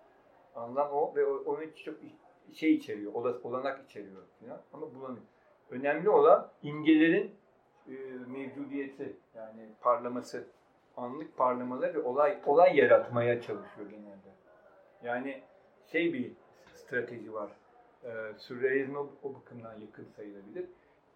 Çarpıcı olmaya da çal- çalışıyor, uğraşıyor. Sahne kuruyor. sarsmaya, sarsmaya çalışıyor. Böyle bir şey var. Oradan oraya, oradan oraya. Hani şiiri sallıyor yani. Böyle karıştırıyor yani. İm, imge, imge doğuruyor. İmge fışkırıyor aslında. Ondan sonra eee yoğunlaştırmaları çok seviyorum. Mesela en yeni ve daha filan demin öyle bir dizi vardı. Yani şey değil. e, bir sürü örnek verilebilir. Henüz daha bu dönemde bu kadar modern bir şiir ki şey e, Türk şiirinde işte hiç yok o zaman. Şey falan hiç öyle değil. Garip şiiri falan. Ondan sonra e, Türkçe gramerini yok sayıyor neredeyse. Yok öyle bir şey. Yani fiilsiz dizeler var. Fiil yok. Öyle şeyler var. Demin, demin çıkmıştı bir tane karşımıza. Yani çok çok var ya. Değil mi? Çok çok Bir var. şey Cayan. Yani Evet. o ikinci yeninin sentaks kırmaları, Tabii. cümle düşmeleri falan burada mı başlamış sence? Ya, bu onlardan çok ileri söyleyebilirim. Onlar çünkü onlarınki daha e, mekanizmayı şey yapıyorsun, anlıyorsun yani ne yapmak istediği. Burada ne yapmak istediği bile bulanık kalıyor. Bir de hani ilgili modern olmak için yapmamış. Onlarda biraz modern olmak için modernlikte var. Çünkü kalıpları yıkma şeysi var. Dağlarca da kalıp yıkma şeysi falan yok. Dağlarca burada öyle bir iddiası da yok. İş- İşin garip yanı o. O bakımdan da Rilke'ye benzetiyorum bazı yönlerden. Rilke de hiçbir zaman modern modernizmi böyle çok bak bağırmamıştı. Hani Rus, çağdaşı Rus şairler gibi falan. Onlar da dev şairler tabii. Öyle değildir mesela. Neredeyse klasik bir şiir yazıyordur aynı zamanda ama moderndir de. Ama ille modern olma şeysi yoktur olarak Ağıt yazıyor zaten modernliği. Evet. Bizim mesela Nazım Hikmet de bazen öyle modern öyle ama tamam o ideolojik bir anlam anlayışla yani öne çıkarmaya çalışıyor falan. Ee, ama anlam anlam öne çıkar. Düz yani dağlarca niye moderndir? Gerçek modern şu- şudur. Yani şiir artık e, düz yazıyla anlatılabilecek bir, bir konunun hani dizeyle anlatılması değildir. Yani yani düz yazıdan ve söylemsellik, düz yazı söylemselliğinden kopan bir şiir ilk defa Rambo gibi, Malarme gibi yani. Hani öyle bir şiir söz konusu burada. Türk şiirinde ilk defa. Ta işte ikinci yeniye kadar. Daha, daha, daha önce de yok, daha sonra da yok. Çağda. Ve Oktay Rıfat falan bu tarz şiirleri ancak 58'lerden falan sonra yazmaya başladı. Yani 60'lardan sonra falan. Ama apayrı yine e, ortamlarda yani dağlarcayı Dağlarca'nın peşinden giderek de değil yani. Onların da hakkını vermek lazım. Onlar daha çok yine Batı modellerinin peşinde gidiyorlar. Dağlarca'nın bir özelliği, Dağlarca batılı modelleri bilmesine rağmen işte Fransız şiirini o, o döneme kadar ki bir ölçüde Türkiye'de biliniyor. Tamam sürrealistler bilinmiyor 30'larda falan ama çok şair biliniyor. Yani Apolliner bile belki tam bilin- bilinmiyor sanırım. Ama işte e, Rambo'dan mesela şey ilk bahseden Rambo'dan kim diyeceksin? Necip Fazıl. Rambo'dan bahsediyor. Daha 20'lerde falan anlıyor. Yani okun- okunuyor yani, biliniyor aslında. Fransa'da bir de yeni yeni o zamanlar. Sürrealistlerin de öne çıkarmasıyla yayılmaya başlanıyor. Necip Fazıl da yani modern modern edebiyatı biliyor. Az, az, değil yani o da yani. Ondan sonra e, ama ama asıl Baudelaire ve sembolistler. Sembolistlerden de Mallarmé değil. Mallarmé zaten tam sembolist sayılmaz yani bana sorarsanız. Ahmet Haşim'le Mallarmé'yi ne kadar okuduğunu tam bilmiyorum. Okumuş yani üstüne bir şey de yazmış galiba. Hiç, hiçbir zaman da bulamadığım bir makalesinin başlığını görmüştüm. Ee, ama o daha çok Eredia'dan filan daha klasik sem sembolistlerden. Havuzlar, bilmem. Ama Mallarmé gibi çok aşırı modern aslında. Her çeşit yani akımı falan da kıran bir şiir Türkiye'de o zaman bilinmiyor. Yani dağlarca ama özellikle bu modelleri e, uzak etkiler var ama hiçbir zaman onlar gibi yazacağım dememiş. Şeyin etkisi mesela Yahya Kemal şeyden Moreas'la tanışmış. Fransa'da Jean Moreas. O da sembolistlerden türemiş bir şair. On, onunla, ondan etkilenmiş bir ölçüde işte. Herkes bir etkiler almış. Nazım'ın etkilerini biliyordum. Şairlerinden almış. tabii. Ee, Şeyden almış. Mayakovski'yi falan. Başkaları da var. Dağlarca batı modellerini, batılı modelleri hiçbir zaman öne çıkarmamış da bir şair. İşin ilginç yani. Bu ille milliyetçilikle falan alakası yok aslında. Öyle. Gerek duymamış. Kendi geleneğini çok iyi biliyor bir de. Hepsinden en iyi bilen oydu. Divan şiirini çok iyi biliyor. Bütün çocukluğundan itibaren ezberlemiş divan şiirini. Bütün vezinleri falan çok iyi biliyordu. Hayatının sonuna kadar yani. On- Onları seviyordu da vezinleri. Yer yerde gizli gizli kullanıyordu şeyler. Vezinleri. Modern şiirde vezin, hece ve şey, aruz vezini kullanıyor. Onu yapıyordu yani. Halk şiirini çok iyi biliyordu. Ve çok seviyordu halk şiirini. Halk şiirini çok seviyordu ve e, Pir Sultan'ı mesela falan çok çok önemsiyordu. Çok Pir Sultan Abdal günleri diye zaten Sivas'taki o şeyler için e, o toplantılara da arada sırada katılmış Pir Sultan Abdal Derneği'nin de başlattığı şeylere onlar içinde yazdığı e, şiirler var Pir Sultan Yunus Emre'yi çok seviyor. Onları. Çok iyi. Türkçe'ni çok iyi biliyor. Ama yaz, yaz, yazdığı da Türk şiiri tadı tabii ki var. Ama apayrı da bir şiir. Kimse yani ne Türk şiirinde gerçekten bir öncüsü var ne de Batı şiirinde bir göndermesi var. Bu, bu da çok özgün bir şey yani. Çok özgün. Dağlarca'nın yani bu, bu kadar Batı etkisindeki bir ortam Türkiye'de anlaşılmasını çok zorlaştıran bir şey. Çünkü Batı modeli olmayan şu an için bile Türkiye'de hani Batı modeli olmayan Batı ve aslında Doğu modeli de olmayacak. Sadece bir bur- buraya ait bir model. İnsan neredeyse hor görülebilecek bir duruma geliyor neredeyse.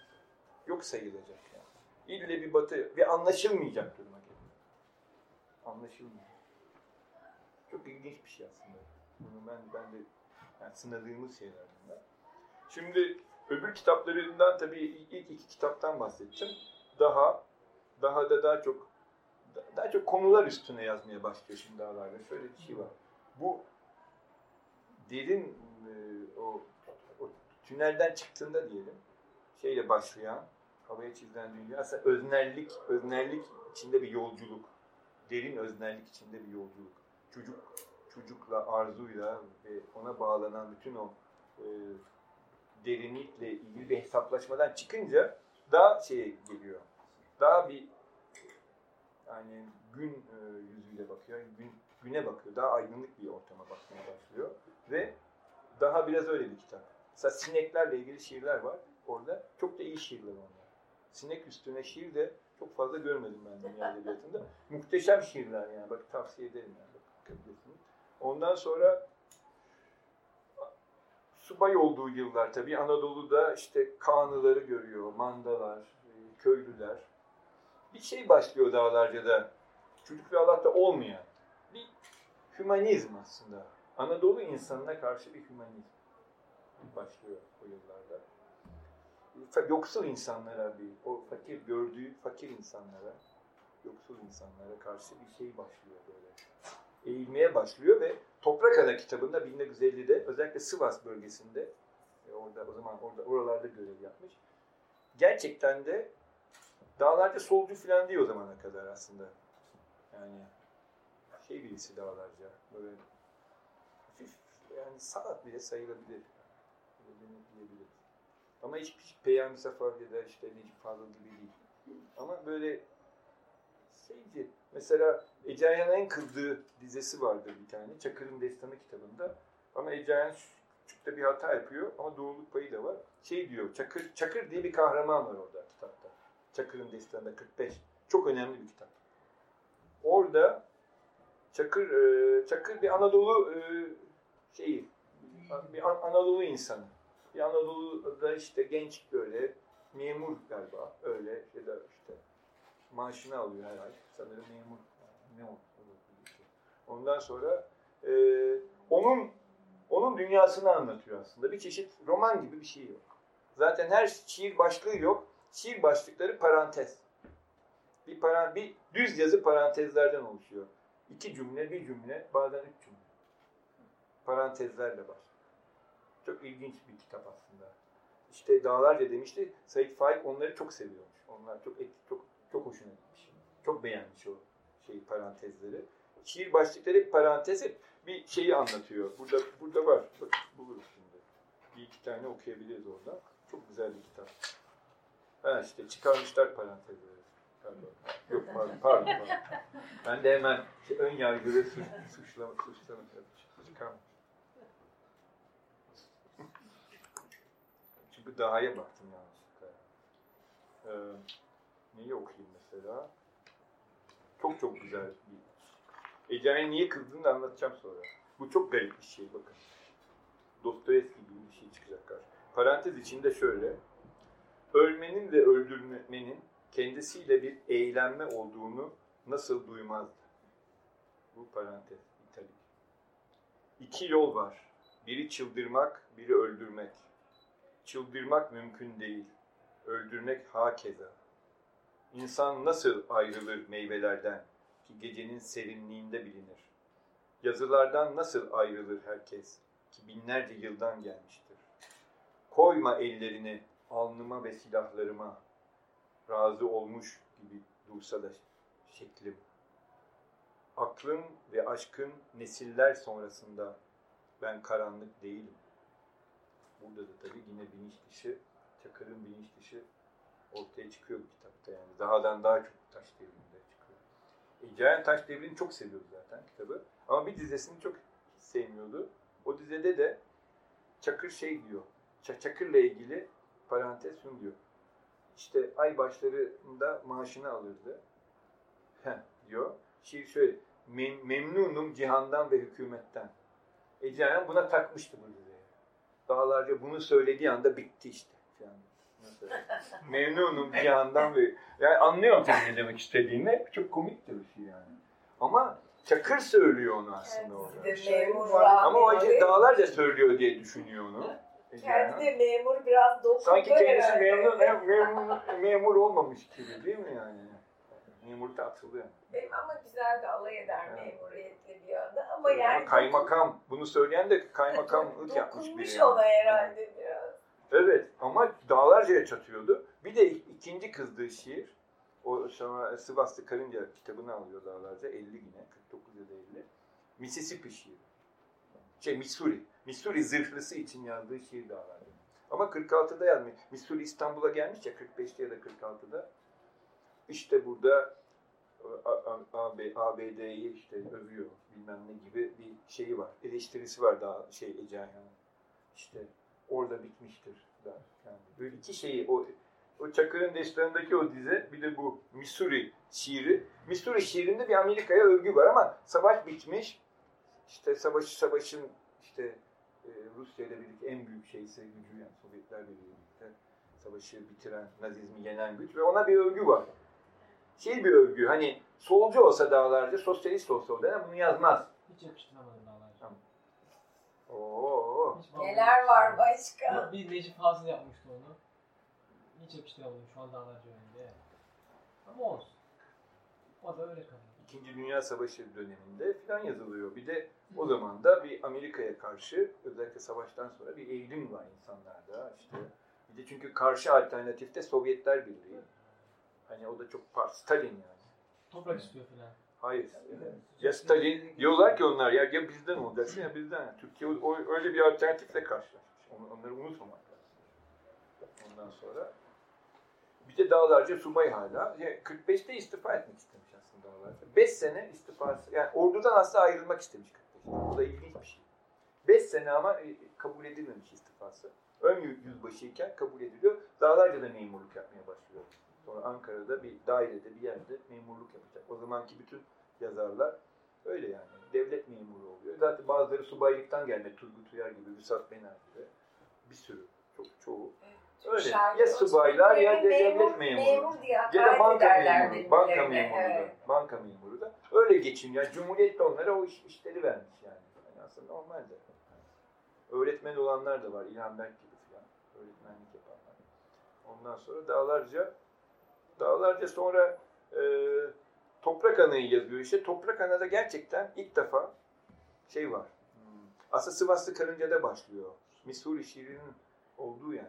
Ya- Yanılmıyorsam orada Missouri şiiri. Evet. E, bir şey mesela Pakistan şiiri var. Pakistan şiiri. O şiirde çok çok güzel dize. Cemal Süreya o şiiri çok seviyor. Onu söylemişti yani bana da. Orada e, Pakistan yeni kurulmuş işte. Onun için şiir yazmışlar. Böyle gerçekten bir hem Anadolu ağırlıklı bir hümanizma hem de aslında evrensel bir hani belki savaşın bitmesiyle de ilişkili falan bir evrensel bir şey var. E, dostluk şeysi var. E, eğilimi var Dağlarca'da. Yani kardeşlik kardeşlik çizgisi Dağlarca'da ve o dönemden sonra gitgide zaten daha sol olmaya başlayacak dağlar. Şu Ece Ayanların falan unuttuğu şey de şu. Dağlarca Cezayir türküsüyle Cezayir Savaşı daha sürerken ona karşı Fransa'yı çok çok ağır eleştiren Cezayir halkının yanında olan müthiş bir kitap yazmıştır. Cezayir türküsü. Yani başka bir örnek de yok ya. Ondan sonra Vietnam Savaşı döneminde Vietnam Savaşımız bir de Vietnam Körü diye çok sert hatta yani Amerikan zenci bir ce- zenci cazcılar falan o şiiri okuyorlar. İlham İmamoğlu'nun bir şeyi var. Bir e, eseri var. New York'ta yaptığı. Freddie Hubbard falan Dağlarca'nın şiirini okuyor. Sonra trompetle free jazz solosu yapıyor falan. Yani Amerika'da da bilin- bilinmiş o dönem o şiirler falan. Yani Dağlarca'dan. İngilizceye çevrilmiş. Yani öyle bir yanı da var Dağlarca'nın. Onu da unutmamak lazım. Hani daha gitgide böyle Kemalist bir sosyalist gibi. Hani Ke- Kemal Kemalizme yakın o, o, o zamanların e, şey çizgisi o. Özellikle 27 Mayıs sonrası o, oluşan e, bir çizgi içinde bulunuyor dağlarda yani. E, sonuna kadar da o sürecek. Böyle şeyi de vardır. Gerçekten mesela Yeryüzü Çocukları diye çok güzel bir kitap var. 75. Onun çocuk, çocuk kitabı mı değil mi o tartışma galiba o şeye girdi bütün eserleri. E, bütün dünyanın çocukları için yazılmış bir kitap. Her ülkeyi almış. Mesela çok güzel bir Ermenistan şiiri var. Ama inanılmaz güzel. Tabi bu bilinmez. İşte dağlar ve milliyetçi şudur budur. Hani e, özellikle de şey yani o o dönemlerde yani düşmanlığın hani ortaya çıktığı böyle dönemlerde böyle bir şiiri var. Erme- Ermenistan çocukları için yazdığı. İnanılmaz güzel bir şiir. Burada var mı bilmiyorum. Sevan Gölü'nden bahsediyor falan. O şiir çok güzel. Ben çok seviyorum. Evet. Ha şey olacak. Dağlarca gitgide bu ilk şiirlerinde gördüğümüz biçim bırakacak. Artık o beyit, beyit biçimini bırakıyor. Daha modern biçimlere gidiyor ve ilk mo- modern kitabı aslında e, şey diyebiliriz. Biçimsel olarak da Asu. Aslında bir aç yazı var. O muhteşem. Orada böyle varoluşçu temalar var. Şehirden bahsetmeye baş- başlıyor. Kentten, kentteki insanın durumundan bahsediyor. Çok ilginç bir kitaptır aç yazı kitabı. Ama asıl Asu'dur. Asu da şöyle bir şey yapmak istemiş dağlarca. Ee, Çocuk ve Allah gibi bir kitap yazmıştır. O, o boyutta bir kitap yazmış 55'te. 67'de o dönem e, arası 55-67 arası 66 arası yazdığı şiirleri e, da- şiirlerden ekliyor. İkinci baskısını yapıyor. Ama çok önemli bir şey yapıyor ve tartışılacak bir şey. İkinci baskısında Asu'nun ilk baskısındaki bazı sözcükleri değiştiriyor. Eski eski Türkçe, Osmanlıca olan sözcükleri değiştiriyor. Zaten çok yok. Ama onları değiştiriyor. Böyle mutlak bir radikal bir yenilikçi, dil, dil yenilikçisi, öz, öz Türkçeci oluyor 60'lı yılların ortalarında. Yani. Türk Dil Kurumu'nda zaten görev yapıyor. Orada Berke Vardarlar'la, Tahsin Yüceller'le falan, Akşik Göktürkler'le e, dostluğu o dönemden. Ondan sonra e, yani Türkçenin yenilenme çabalarına, radikal bir yenilenme çabasına bayağı katkıda bulunuyor. Sözcükler yaratıyor. Hatta artık o dönemden sonra bazı sözcükleri kullanmıyor. Yabancı sözcük de daha iyi. Sadece şey, mesela sinemada deniyor. Göz evi diyor galiba. Göz evi mi? Öyle, şey. Öyle şeyler. Hani e, radikal bir şeye giriyor. Bir yenileme, dil yenilenmesine giriyor. Biçimi değişiyor dedik. Ama yani bana kalırsa şu, geçen gün şunu düşün hani bir döneme kadar tam yani bir yazma sonra yapma oluyor. Şey. Daha böyle bir tema koyup önüne yap, Picasso gibi biraz. Picasso devrimlerini yapıp sonra sürekli yapmış ve güzel şeyler yapmış aslında. Ama bir öyle bir yani bir otomatik bir çok büyük usta, büyük virtüöz her alanda böyle her konuyu hangi konuya el atsa iyi bir şey yapıyor. Picasso'ya benzetiyorum ben Dağlarcı'yı. Ama bir yerde de o ustalığı, virtüözlüğü görüyorsunuz. Ve hani niceliğe de çok önem vermiş. Bence ke- kendini durduramamış. Bir de çok yaşamış ama çok kitap yayınlamış. Yüzden fazla kitabı var. Çocuk kitaplarıyla birlikte 130 falan daha bile fazla. Yani. O da biraz fazla yani.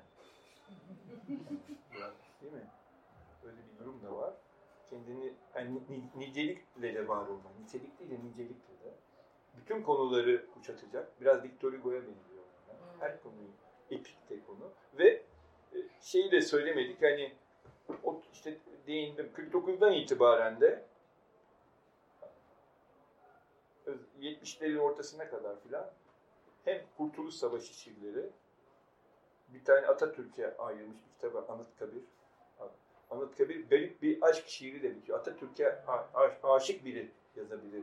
Yani bir garip bir şey ve eski sözcükler falan da var orada. Böyle bir garip bir gazel gibi bir şey Atatürk için yazılmış. Güzel de dizeler var yani. Çok çok güzel dizeler var orada. Ondan sonra Kurtuluş Savaşı kitaplarından ilkleri bence çok ilginçtir. İnönüler mesela. Çok güzel bir kitaptır. Samsun'dan Ankara'ya. Ya ilkleri. Daha sonra onlar da daha çok yapmaya dönüşmüş. Tamamlayayım demiş. Yani İzmir'in kurtuluşunda, kurtuluşu da olsun. Bağımsız Savaşı diye çıktı onlar. Atatürk'le ilgili şeyleri Gazi Mustafa Kemal Atatürk diye Anıtkabir de var orada. Orada toplandı. Onlar biraz yapma. Ben ben şunu demiştim. Dağlarca kızmadı ama. Hani çocuk kitaplarına girmek istemiştir ve girmiştir. Öyle bir şey istemiş. Yani çocuklar ve eğitici olmak istemiş. Tolstoy gibi. Onu mu Eğitici. söyledi kızmadı? Kızmadı. Doğru çünkü. Biliyor, farkında. Bir de bana şunu demişti bir gün. Benim şiirler şey gibi demişti yani. Ee, böyle hmm, e, misinanın ucuna bağlanan gemler gibi demişti. Bazıları daha yüzeyde, yüzeyde yüzen balıklar için. Bazıları da derinde. Güzel söylemiş. Her kesime hitap ediyor. Çünkü yüzeysel bir yanı da var. Evet. Daha Ama yüzeysel, yüzeysel- oldu. Ya konulardan ve çocuk kitapları zaten ilkokul 1'deki diye kitabı var. Dolar biriktiren çocuk diye bir kitap var. Evet ya. Dolar biriktiren komik de bir kitap aslında. Yani onlar da güzel. Mesela bir, bir yerde de bir çocuğa şey soruyorlar. Ne olmak istiyorsun diyor çocuğa. Ey Türk gençliği olmak istiyorum. Böyle şeyler. Komik de güzel de şeyler aslında. Dalgasında geçtiler. Cumhuriyet Ha. kadar komplike bir adam Ha, evet, aslında. evet. Karmaşık bir adam. Sonra Balina ile Ma- Mandalina kitabı var. Çocuk kitabı olarak bir başyapıtı. Yani kuş ayak. Çocuk kitabı olarak dünya çapında bir kitap yani. İnanılmaz güzel bir kitap. Çocuk kitabı sayılmaz aslında. Çocukların yani özellikle ikinci bölüm, iki bölüm o. İlk bölüm daha büyük şeylerle basılmış puntolarla. Çocuklar onu okuyabilsin diye. Onlarda da ne güzel şiirler var. Havuç yiyor çocuklar falan. Hani İlk çocuk kitapları çok iyi bence. Ee, o işte. Bir de arka üstü diye bir çocuk kitabı gibi bir şey ama değil aslında. Bir çocuk bir gün böyle cam açık, uzanmış yatağında yıldızlara bakarken birden yataktan uçmaya başlıyor, uzaya gidiyor. Ve bütün uzayı dolaşıyor. Küçük prens gibi yani eksperiment. Evet, öyle bir şey ve ama tamamen özgün ve her bölümü değişik şeyle yazılmış. Renkte e, basılmıştı ilk baskıda. Yeşil, kırmızı ve uçmaya başladığından beri kitap böyle akıyor. Böyle akmaya başlıyor. Uçmaya başladığından beri. O da çok orijinal bir kitap. Hem de 250 sayfalık falan bir kitap. Arka üstü yani. O 74 tür. Yani Kuşayak 67. Yani, yani çok yani yeryüzü çocukları işte 75 o da galiba falan. Çok iyi kitaplar var. Şeyler var. Çocuk kitapları içinde de iyi şeyler var. Dağlarca için en çok eleştiri herhalde çok yazdığından geliyor. Yani çok yazdığını eleştirmek bence çok doğru bir şey değil yani. Yani ama o kadar- şairler, şairler pek sevilmiyor. Çok yazan şair, makbul şair kabul edilmiyor. evet. Ama ya, Yani, yani seneye bir şiir, iki şiir en fazla tasarlanıyor. Şimdi bir özelliğini Hilmi Yavuz'dan ben duymuştum. Bir gün hocası Necati ile ilgili bir anma e, düzenleyecekler. Bir kitap artık düzenleyecekler. E, Dağlarca'ya gidiyor. O anda oturuyor diyor şeyde, Beyazıt'taki kitap evinde. Hemen daktiloya kağıdı koyuyor tak tak tak tak tak 4-5 sayfa birden yazıyor. Yani doğaçlama. Öyle, Öyle bir çok, çok, sahip. çok çabuk evet yazabiliyordu. Doğru. Öyle bir garip. Yani çünkü düz yazısı yok dağlarcının. Yani küçük düz yazılardan karşı düşünceler diye Köşe bir, bir, bir, bir vatan, vatan gazetesinde yazdığı e, 59-60 iki arası mı ne öyle bir dönemde yani tam 27 Mayıs döneminde bir şey var. Bir derleme yaptı. Birisi derlemiş. Ben de ön söz yazdım hatta. Şey yapı krediden çıktı. Orada güzel düşünceler var. Siyasi biraz ama doğru doğrudan olaylara değinmiyor. Hani çok böyle hani Dağlarca'nın o yazıları bile çok şeye girmemiş böyle. Çok hani şey o, e, diline girmemiş. Yani güncel olaylara doğrudan onları adlandırmıyor. Şeye ben bakmıştım o idamlar döneminde falan o şey oluyor hani hiç değinmemiş ama ölmemiş de herkes gibi. Öyle bir şey de var. Yani. E, hümanist birisi olduğunu unutmamak lazım dağlarda. Sert birisi mizaçlıydı. Hani derler. Yalnız birisiydi. Çok yalnız. Dostu yoktu yani aslında. Yani yalan söylüyor insanlar. Ben dostuydum, mostuydum. Kahvede çünkü biraz onunla oturan, sık sık da o kahvede gören Kadıköy'deki kahvelerde dostu ilan ediyor ki ama öyle bir çok zor e, birisiydi yani. Zor ve e, anlaşılmadığında farkındaydı yani. Sıkılıyordu. Kimler peşine düş- düşüyordu? E- Edebiyat öğretmenleri falan böyle. Çocukları da çocukları getirmeye. Yani şey okullara çağırıyorlar falan. Çocuk yazarı gibi gö- gö- gören bir çevre vardı. Ya da şeyler vardı böyle işte e, aş, aş- cumhuriyetçi işte Evet. öyle biraz ulusalcı falan öyle bir çevre onu seviyordu etrafında. Ama onlardan da sıkılıyordu daha belli. Ama kırmak kıramıyordu çünkü böyle şeyler de yazmış yani. Onun için ben de tanışması bir bakıma iyi oldu. Yani çok yalnız bir döneminde. Hangi 83'te sene? 83. 83'te yani adam eski şiirlerini konuştuğu birisi çıktı karşısına. Arkadaşları da kal- kalmamış. Necati Gül'le falan görüşmüyordu. Onlar çok iyi Bir dosttu. dönem çok iyi. Ama Dağlar'da kimseyle dost olmamış aslında. Öyle uzun bir dostluğu falan yok. Şey birisi, böyle bir hayvan gibi bir şey. Böyle da yalnız ya. yaşayan bir ayı gibi böyle bir, Evet, öyle evet. bir şey. Vahşi yani. Vahşi, zor yaklaşılan birisiydi. Benim yanımda kaç kişiyi çok tersledi ben utandım yani. Şey. Hem de kendi, kendi kadar yaş, yaşı olan insanları falan da çok ben de çok iyi şeydi şaşırıyordu. Böyle şey hoşuna gidiyordu tabii yani Frans, Fransız edebiyatını bilmem. Bir de felsefe. Felsefeye çok saygı duyuyordu. Felsefe ve Fransız edebiyatı ilişkisi. Mitoloji Bir nedir? de onun yapıtını bilmem. Bir de iyi şeylerini sevmem. Çünkü Konur top mesela en kötü şiirlerini beğeniyordu ve Konur topun o uzmanı çık, olarak çıkmıştı ortaya. Ama işte Atatürk şiirleri bir onları şey yapıyordu dağlar yani. Yani Onlar da kalmıştı yani. Öteye geçemiyordu. Türk Edebiyat tarihi de yani renkli bir sinema. Hakikaten. Konur Ertop'a sonunda çok kızdı. Ve kovdu gibi bir şey. Konur Ertop'un eşi ama Dağlarcı'ya yardımcı oluyordu. Hastaneye bile geldi bilmem ne. Sonra şey bir gün şöyle şunu duymuş. Konur Ertop Dağlarcı üstünde konuşacak. Çünkü Dağlarcı'yı da böyle hani sahiplenmek de isteyen insanlar var tabii. Ee, ol- oluyor ve hala da var. falan böyle. Ve işte Dağlarcı ne, ne? Bana kendisi söyledi. Sonra da olmuş o. Bir, bir tanıdığına, bir genç birisine kahveden bir yerden yazmış.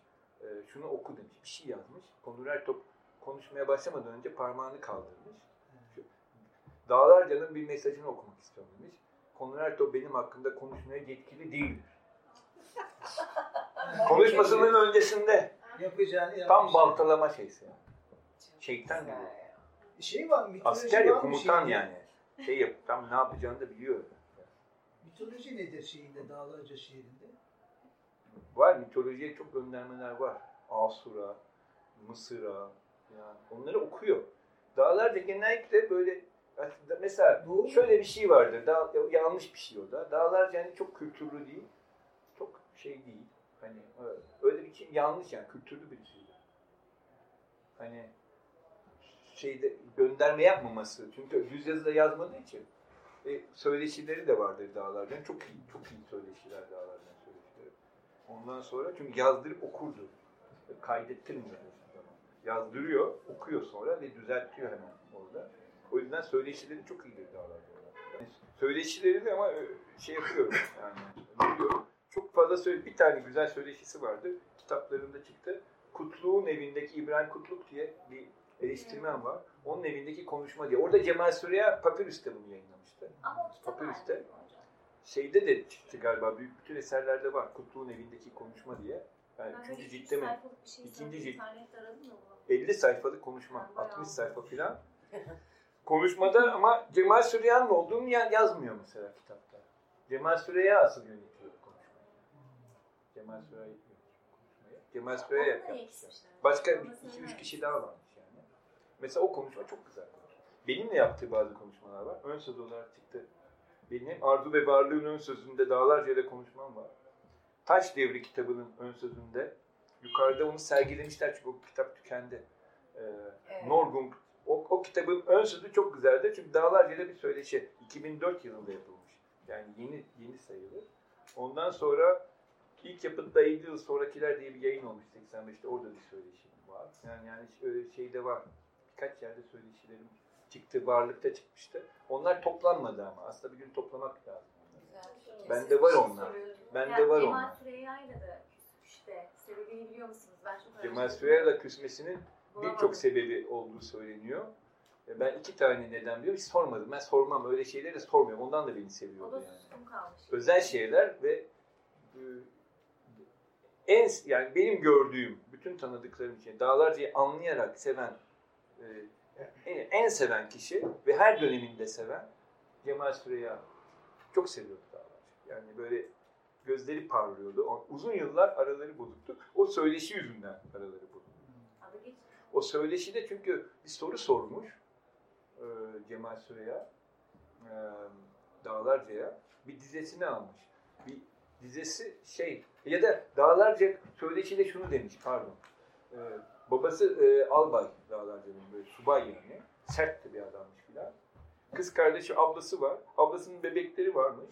Ablasının bebekleri böyle pencerenin önüne dizermiş ablası. Babası da kışlaya giderken onlara selam verilmiş. Böyle bir şey. Bir şeyden bahsetmiş. Bunu yazdı diye, bunu yayınladı diye kızmış. Birinci yorum bu yani. Bu olabilir yani, olabilecek bir şey. Evet. Kim söyledi bana bilmiyorum. şey. Evet, sinir bozucu şey çünkü. İkincisi de Cemal Süreyya bozuldu diyorlar. Ama Cemal Süreyya böyle birisi değildi. Dağlarca şey demiş ona bir gün. Ee, Dağlarca üstüne ünlü, önemli bir denemesi vardır. Ee, Şapkam Dolu Çiçek'le kitabında çıktı. Ee, 50 şeyde 70'lerde yazdığı bir deneme-. Orada Dağlarca onu okuyunca demiş ki sen sen denemeci ol şiiri bırak demiş. Çok iyi demiş deneme, denemelerin demiş. Bunu da diyenler var. Demiş olabilir ama şaka diye söylemiştir. Sadece kendinden başka hiçbir şairi beğenmiyordu. Hiç ama. Güzel. Bence tersi olsa Hiç şaşırırdım. yani.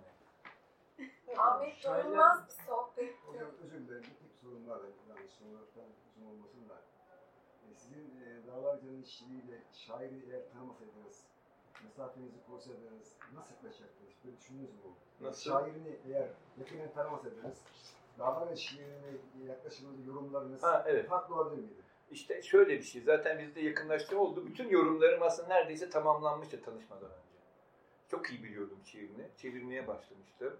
Herkese okuyordum. Öne ve bizim Beyaz dergisi e, çıkmıştı ve Beyaz dergisinde da Dağlarca ile tanışmadan bir Dağlarca'dan bir seçki yapmıştık. Onu yayınlamıştık.